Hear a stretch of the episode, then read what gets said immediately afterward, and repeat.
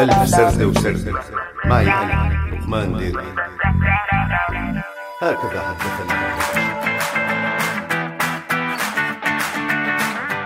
mister call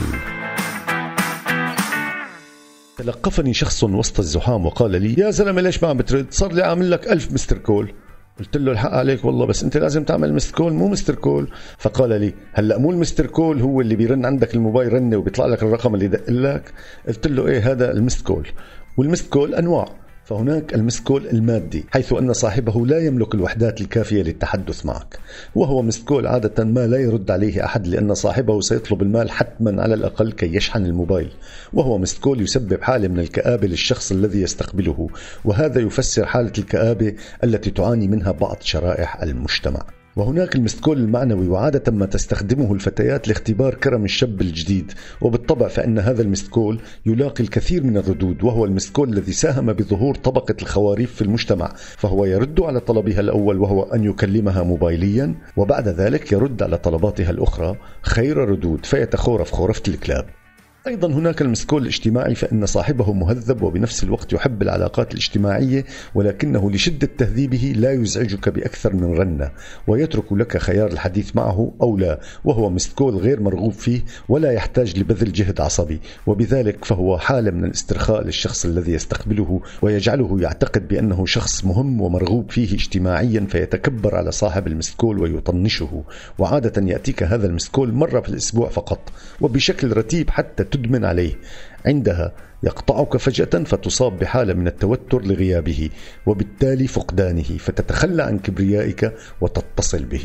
وهذا ما يفسر حالة الاسترخاء الاجتماعي لدى بعض شرائح مجتمعنا وتوترهم المفاجئ.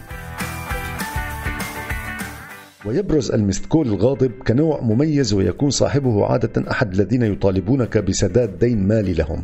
وهو مستكول يوصل لك رسالة أن تتذكره أينما كنت وأينما حللت وأن تسعى لكسب المال كي تسدد له ديونه. وإلا فإذا كنت جالسا مع جماعة لأول مرة وهم أصحاب شركة فإنك تسارع إلى طلب الوظيفة في شركتهم وتضع نفسك في موقف لا تحسد عليه وهو مستكول ساهم عبر سياسة الترهيب المستكولية بزيادة حالة الذين لا يحسدون عليهم أو فيما يسمى بحالة الركض الاجتماعي الجماعي نحو مصادر الأموال وينابيعها في البلاد ومعظم هؤلاء من جماعة مكالمات لم يرد عليها أيضا.